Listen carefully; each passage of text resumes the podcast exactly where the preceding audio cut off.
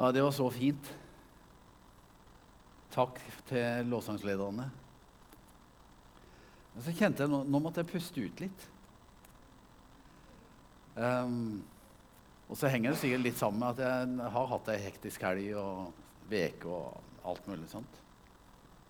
Men uh, kan vi ikke bare være stille litt?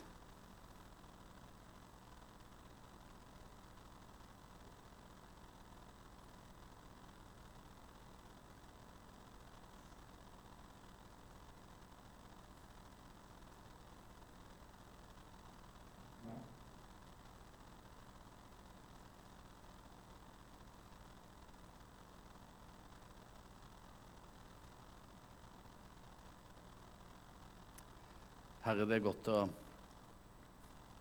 stille hjertene til ro innenfor deg.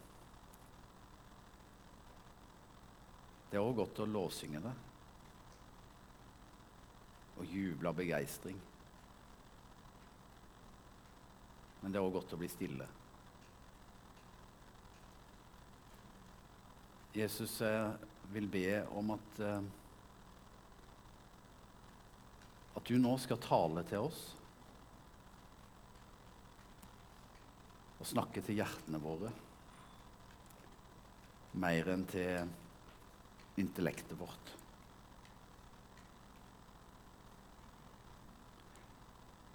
Jeg ber deg, Herre, at ditt ord skal få lov å nå dypt inn i livet mitt, i livet våre. Få slå rot så det kan vokse og gi god frukt.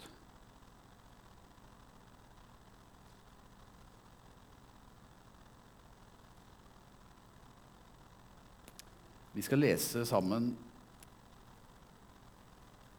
ifra Lukasevangeliet. Jeg skjønner det at jeg, jeg, sa det til Geir her, jeg tror han ble litt smånervøs. Den der gjorde du ikke? Nei. Nei da. Men jeg sa det at jeg, egentlig så hadde jeg tenkt å, å preke om, eh, om, noe annet. Eh, men jeg bestemte meg da tidlig for at eh, jeg skal preke over det som er søndagens tekst. Jeg leste den på morgenkvisten. Det var det første jeg gjorde da jeg våkna.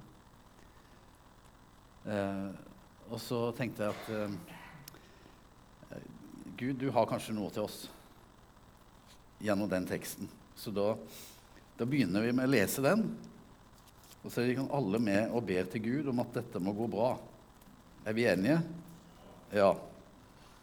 Så vil jeg prøve å være lydig i forhold til det og dele, dele litt med utgangspunkt i den teksten. Og det står i Lukas kapittel 13. Og Det er jo en sånn tekst som du vet, Når, du, når, når jeg reiser rundt sånn, og det sier du kan preke om akkurat hva du vil, så er jo ikke dette sånn der tekst som du tenker ja, ja, men den har jeg lyst til å preke over. Uh, det, det, for den, er, den, den, virker på en måte litt for tøff til det. Men jeg, jeg skal likevel uh, stoppe ved, ved, den, for jeg tror den har noe viktig å si oss. Kapittel 13 i Lukas, vers 22, og til og med vers 30. På reisen til Jerusalem dro Jesus fra by til by og fra landsby til landsby og underviste. Da var det en som spurte, 'Herre, er det få som blir frelst?' Han sa til dem, 'Kjemp for å komme inn gjennom den trange døren.' For jeg sier dere, mange skal forsøke å komme inn, men ikke klare det. Når husherren først har reist seg og lukket døren, og dere blir stående utenfor og banker på og sier 'Herre, lukk opp for oss', da skal han svare 'Jeg vet ikke hvor dere er fra'. Da vil dere si 'Vi har jo spist og drukket sammen med deg, og du har undervist på gatene våre'. Men han skal svare 'Jeg vet ikke hvor dere er fra'. Bort fra meg, alle dere som gjør urett'. Der skal, dere, der skal, dere, gråte og skjære tenner når dere ser Abraham og Isak og Jakob og alle profetene i Guds rike, mens dere selv blir kastet utenfor. Fra øst og vest og fra nord og sør skal mennesker komme og sitte til bords i Guds rike. Da skal noen som er de siste, bli de første, og noen som er de første, bli de siste. Herre, ditt ord, det er sannhet, og vi ber hellige oss i sannheten. Amen.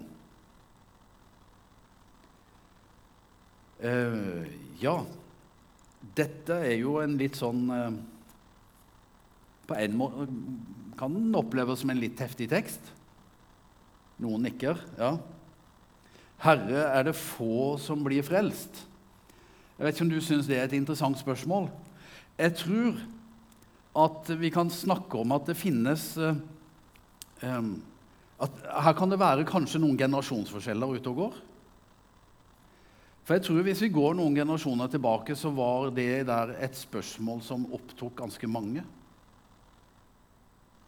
Er det mange som blir frelst? Og så tror jeg kanskje at i seinere generasjoner så er ikke det spørsmålet like viktig lenger.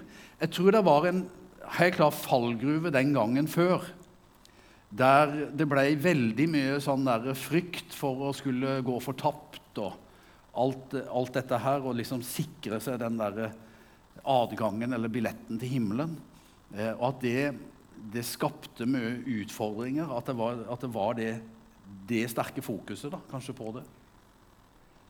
Men det er et spørsmål om ikke det er en enda større fallgruve, det som kanskje har fått lov å skje i, med seinere generasjoner av kristne der vi har blitt på en måte også tuta ørene fulle med dette at du er, du er god nok, og du er elska, og Gud elsker oss, og alt sånt til Nesten til at vi har havna dit hen at vi blir helt sånn likegyldige. Vi bryr oss ikke om det spørsmålet lenger. Og den sunne og gode veien her finnes kanskje en eller annen plass imellom der. Men åssen er det, da? Er det få som som blir frelst? Eller, liksom, eller hvor, hvor, mange blir frelst? hva skal til for å bli frelst? Da?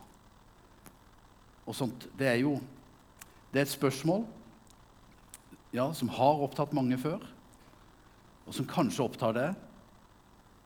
Som på ett punkt òg kanskje i større grad burde oppta enkelte av oss noe, noe mer.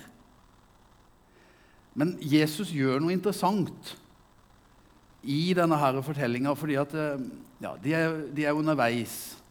De er på vei mot Jerusalem, står det faktisk. Og når, når, det står i Skriften sånn på den måten, her, så vet vi at det, det er retningen på hele Jesus sin vandring. Det er mot Jerusalem. Det er mot korset, mot Golgata, der han skal dø for alle menneskers synd og skyld.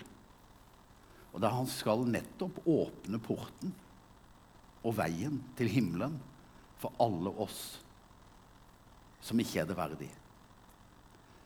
Men underveis her så får han dette spørsmålet. Han får det fra en eller annen. Vi, vi, vi ser ikke i teksten det, det, det er ikke eh, åpenbart hvem, hvem, som stiller spørsmålet.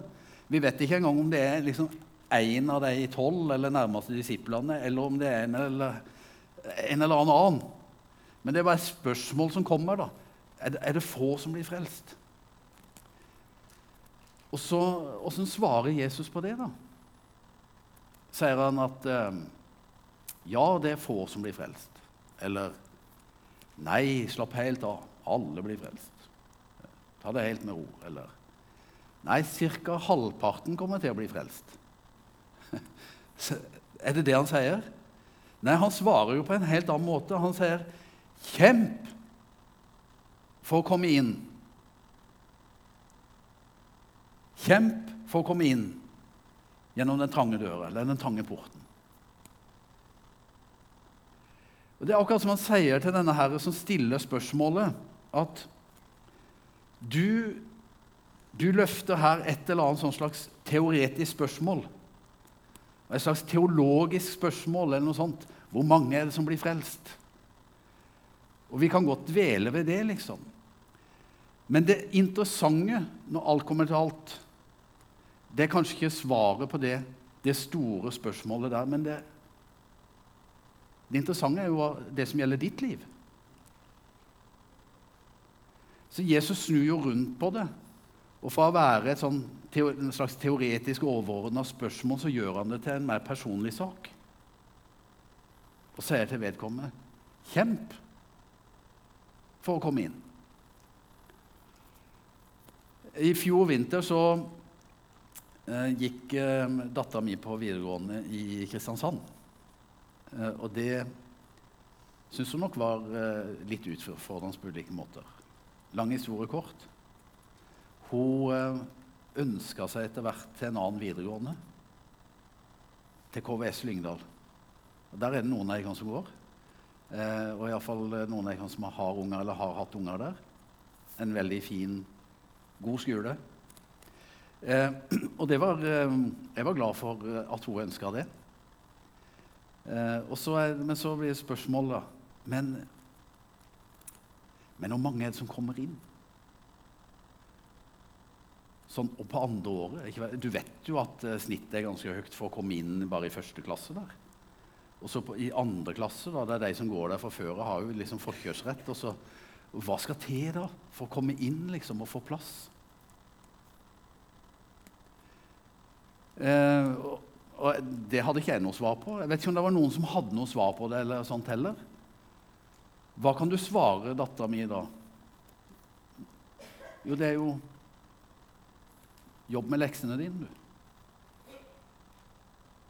Konsentrer deg om skolearbeidet ditt. Mange lurer på er det er det mange som stryker på matteeksamen. Og så aner vi jo at Når vi stiller sånne spørsmål, så er noe av det vi ønsker å få svar på, er jo egentlig det som angår oss sjøl. Hvor stor sjanse har jeg egentlig? Og da er Det liksom, nei, men, det interessante er ikke hvor mange som stryker og ikke, men, men jobb med matten, du. Eller eh, de kommer inn på treningssenteret etter nyttår og lurer på ja, men, eh, og, og, hvor mange er det som egentlig kommer i form.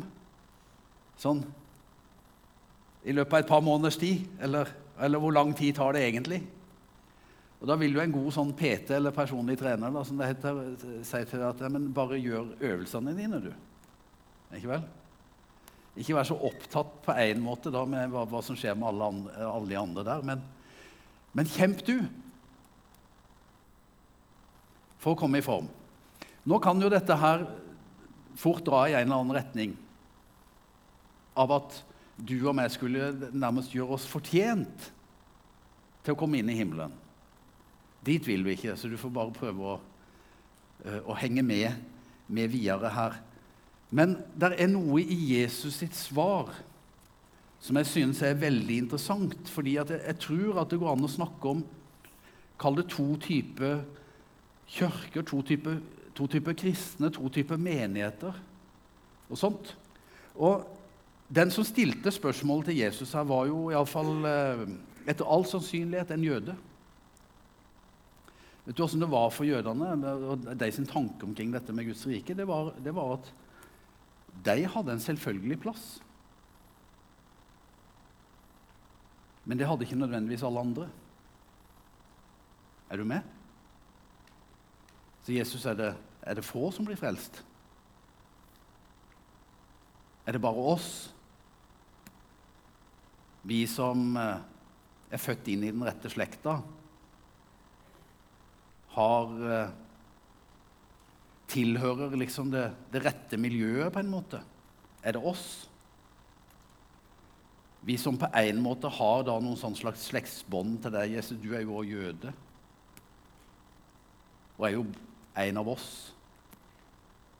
Du har jo vært her rundt i våre gater og våre steder. Så er det få som blir Er det, er det oss? Hva med de andre? Og så er jo Jesus sitt svar egentlig veldig tydelig etter hvert. At det hjelper deg ingenting, det, om du er jøde, eller om du bodde i akkurat den og den byen, eller tilhørte akkurat det og det miljøet, eller hvor du var født hen, eller oppdratt, eller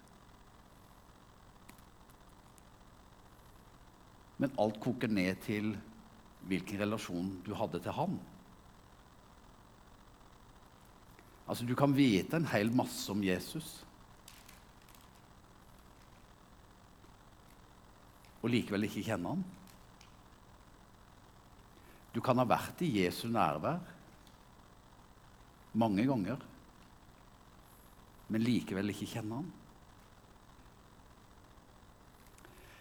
Jesus sier altså 'kjemp for å komme inn'. Og det er her to typer skal jeg kalle det kristne eller kirker eller miljøer som jeg skal forsøke å beskrive. da. Um, jeg får bare ha tålmodighet med meg her, for forberedelsestida ble litt kort eh, i dag. Men, men, jeg tenker på dette her at eh, eh, det finnes de som tar det, alt dette for gitt. Ikke, og, og da, på en måte er det riktig å ta dette for gitt i den forstand at evangeliet det er gratis. Det er en gave. Vi har alle fått det. Men at den tar det for gitt på en sånn måte at Selvfølgelig blir jeg frelst. Eller selvfølgelig har jeg en plass i Guds rike. At, at, vi tar det som en selvfølgelighet, og vi forholder oss til det som en selvfølgelighet. Der ligger et problem. Så har du den andre kirka, som og jeg, jeg, opplever at i våre miljøer kanskje, og i vår vestlige eh, kirke, så har vi vært ganske mye der etter hvert i den seinere tid. Det tror jeg ikke gjaldt så mye kirka i tidligere tider i Norge. Men, men at vi, vi, har det godt, vi har det så greit, vi har alt på stell. Og vi tar ting litt sånn som en selvfølgelighet. Så har jeg den seinere tida fått lov å møte en del mennesker som har vært veldig interessante menneskemøter, og der jeg bare har blitt så utfordra fordi at jeg møter på noen som de tar ingenting av dette for gitt.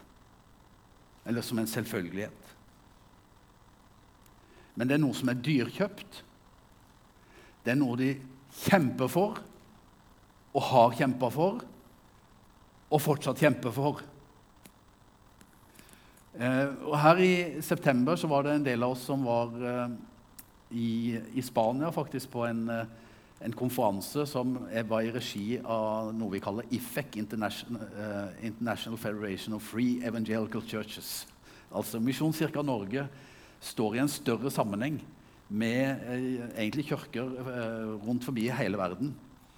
Og dette var en sånn europeisk samling der det var eh, eh, ledere fra eh, kirkesamfunn eh, i Norge, altså Misjonskirka Norge, og da eh, Misjonskirka i Danmark, eller eh, evangeliske kirke, som de, de har bytta navn der. det var fra Finland, Tyskland, Frankrike, Spania, Polen, Tsjekkia, Romania, Ukraina. Libanon var det fra. Og, altså mange forskjellige land. Eh, og det var veldig interessant å møte trossøsken og ledere fra andre kirker rundt forbi. Ikke minst gjorde det helt utslettelig inntrykk å møte Juri og Andrej fra Ukraina. Fra Kramatorsk i Ukraina. Og som har leda en menighet med eh, et par menigheter der med kanskje eh, De sa det for et par år siden, når eh, krigen brøt ut, at det var et sånt menighetsmiljø på en sånn rundt 70 stykker. Så kommer krigen, og ting blir vanskelig, tøft. Vi vet at mange har flykta. Altså, der er folk fra Ukraina her. Det er folk fra Ukraina der jeg bor. på Eh, Vegårshei, som jeg eh, kommer ifra, så er det, så er det kanskje altså 10% av befolkningen nå er fra Ukraina. Eh, og over hele landet vårt. Eh, og noe, Situasjonen der er jo noe som berører oss alle sammen. Det var en av de tingene som vi kjente, og det forente oss veldig når vi var sammen i Spania. fordi vi, var, vi var alle opptatt av det som skjer i Ukraina. Og når da våre to brødre fra fra Kramatorsk står der og forteller om det Gud gjør. Til tross for alt det vanskelige og tøffe de står i. Og der de har vært i en situasjon der Plutselig så forsvant jo noen av lederne fra kirka di fordi de måtte flykte. Og, så, og, hva gjør du da, liksom? Og vi snakker om menighetsutvikling, og strategier og alt. Hva gjør du da? Ja, du kaster deg på Gud. Og så kan en lure på skal vi, skal vi, bare, skal vi bare gi opp. Skal vi jo bare reise? Nei, så, så, så kjenner de Nei, her skal de være. Dette skal de kjempe for. Og så står de trofast i det arbeidet der, og så begynner Gud å gjøre ting. Eh, og de forteller om mennesker som blir frelst, og som kommer til kirka. Og stadig nye mennesker som kommer til tro og blir døpt, og som blir lagt til menigheten. Og Senest i august, altså bare måneden før de traff oss, så forteller de at de har døpt sånn rundt 40 stykker som er lagt til menighetene. Nå i dag så er det hvis jeg husker rett, så snakker det, det er fire forsamlinger der. Og de samler nærmere 1000 mennesker til gudstjeneste. Eh, men dette kommer med en pris. For det er noen som kjemper. Det er noen som er villig til å stå der og kjempe kampen for evangeliets skyld. Være Jesu hender og føtter inn i den situasjonen. Det de representerer det jeg vil kalle for den lidende kirke. og Det samme var det med John og eh, en til som jeg traff fra, fra Libanon som forteller om arbeidet sitt der. Og som forteller om hvordan de da er engasjert i misjonsarbeid i ni forskjellige muslimske land. Det er sånn at du, du blir bare eh, du blir slått bakover av eh, bare i respekt for det de folka står for.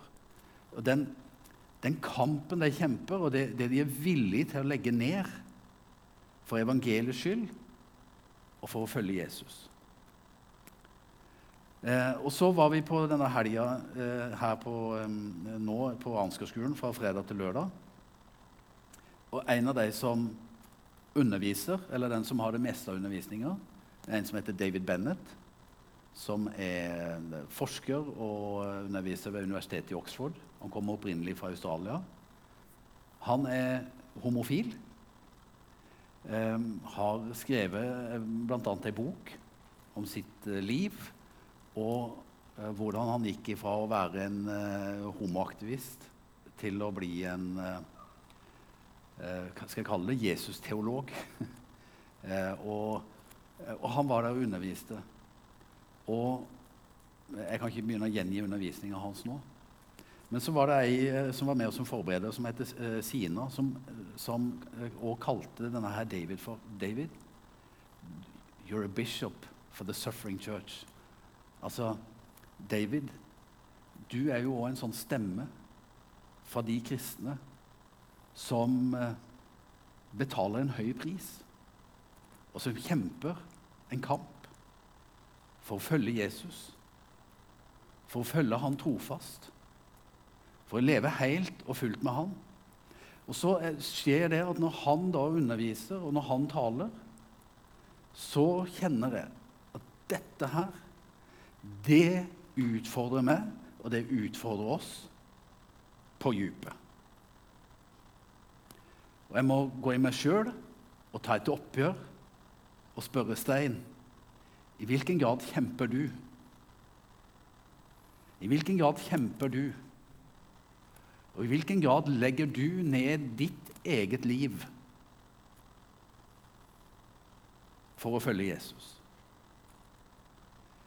Eh, og så skal ikke jeg begynne å dra opp alt det jeg sliter med, og som holder meg tilbake. og alt mulig sånt, Men jeg kan, jeg kan være personlig på ett område og si at ett område hvor jeg da kjapt oppdager at jeg med mine verdier blir avslørt, det er når det kommer til forholdet til ungene mine. Jeg har måttet gå noen runder på det og spørre Stein hva drømmer du egentlig om for barna dine? Og når jeg da skal være bånn ærlig, så handler det veldig fort om trygghet. At de skal få seg en grei utdannelse. En god jobb. En god ektefelle. Alt dette her.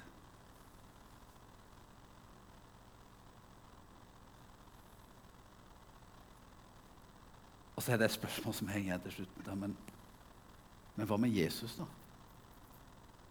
Hvor kom han hen inn i dette bildet? Så må jeg ta et oppgjør. Og jeg opplevde det igjen nå i helga, at jeg måtte, jeg måtte si til Jesus, Jesus jeg, jeg gir deg alt. Og med alt så mener jeg òg Og Herre, det er greit for meg å si nå jeg vil gi livet mitt til tjeneste for deg, Jesus. og alt sånt. Det er jo i dette her, og liksom, det er greit på plass. Men, men Gud, du må få din vilje med mine barn. Må du ha din vei. Det er ingenting jeg ønsker mer. Det er det jeg vil.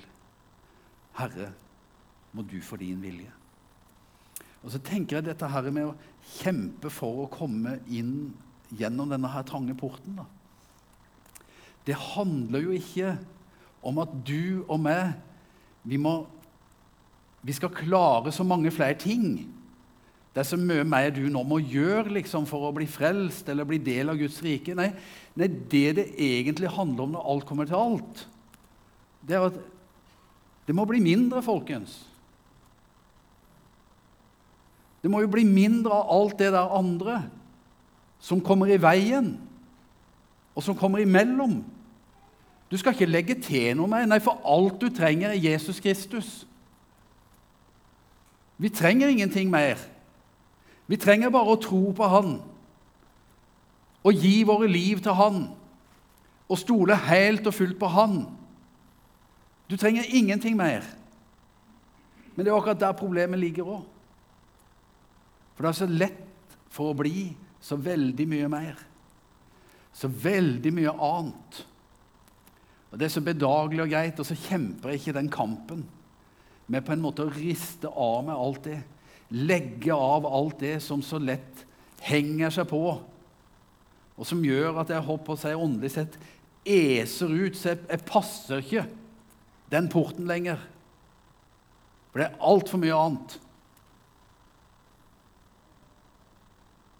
Det er derfor veksten i Guds rike, og som Johannes uh, snakker om, det er jo at, uh, at jeg skal avta, og skal han vokse. Og Det er det som blir for meg et ransakende spørsmål i lys av dagens tekst. Det er stein. Blir det mer av Jesus og mindre av det? Eller er det motsatt?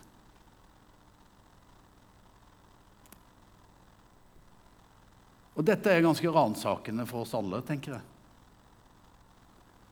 Og et spørsmål verdt å stoppe opp ved. Blir det mer av han og mindre av meg? Eller er det den motsatte utviklingen som kjennetegner livet mitt for øyeblikket? Så Jesus svar og når spørsmålet kommer er det få som blir frelst, så sier han til deg kjemp. Kjemp. Og hvordan skal du kjempe? Jo, jeg tenker det er jo ved å stride, strebe Altså det å strebe etter å komme gjennom denne porten. Hva er det? Ja, vi forstår i Skriften at den porten det er Jesus Kristus sjøl, det. Det er han som er veien til himmelen. Det er han som er inngangen. Det er derfor òg det å bli frelst handler om at det blir mer og mer Jesus og mindre og mindre mer, på en måte. Altså, Jeg, jeg, jeg formesetter og, og, og, og, passes til den, den, formen som denne porten har. Det er jo ikke en port sånn, men er jo, den er jo sånn, eller jeg skal kalle det. Det, det. det, er Jesus som er porten. Og vi er kalt til å, å ta imot Han og bli en del av Han og bli forma lik med Han. Så når vi skal strebe etter å komme gjennom porten, så er det strebe etter å holde seg nær til Jesus. Strebe etter å bli mer lik Han. Strebe etter kjærlighet. Strebe etter fred. Det, står en del sånn ting vi skal strebe etter i Det nye testamentet. Og alt det er jo ting som kjennetegner Jesus Kristus og hans karakter. Streb etter å holde fred med hverandre. Ja, for Jesus er fred. Vi skal stride troens gode strid. Ikke vel? For Jesus er god, Gud er god. Vi skal, vi skal strebe etter nådegavene, står det òg. Ja, hva er det da når vi fungerer i nådegavene, og når vi praktiserer nådegavene? Det er jo, det er jo, det er jo sånne Jesus-kvaliteter som skal prege oss. Det ligger i denne strevinga. Å koble seg på Jesus, vokse i likhet med Han. Nå har ikke jeg kikka på noen notater, men det får være. Eh, eh, vi skal rett og slett eh, gå mot en avslutning, for jeg tror jeg har fått fram noe av poenget. Og det som iallfall rørte meg med når jeg leste denne teksten i dag. Eh, det jeg har lyst til at vi skal gjøre nå, det jeg har lyst til å spørre lovsangsteamet om vi kan ta Men kanskje en litt roligere versjon av den sangen vi sang rett før talen. Men fordi han traff så godt med sangene som vi sang, før jeg skulle preke. For jeg opplever at det bare er med å understreke noe av det jeg tror Gud vil ha fram. Kom og ta din plass. Den plassen du fortjener, Gud. Kom og ta din plass. Um, så jeg ikke avtalt noe med noen åssen vi gjør eh, det med nå, men eh, kan vi reise oss?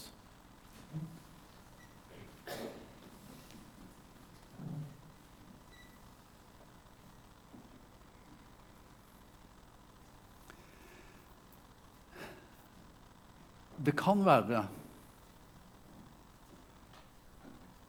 at du kjenner på at eh, det hadde vært godt om noen ba for meg i dag.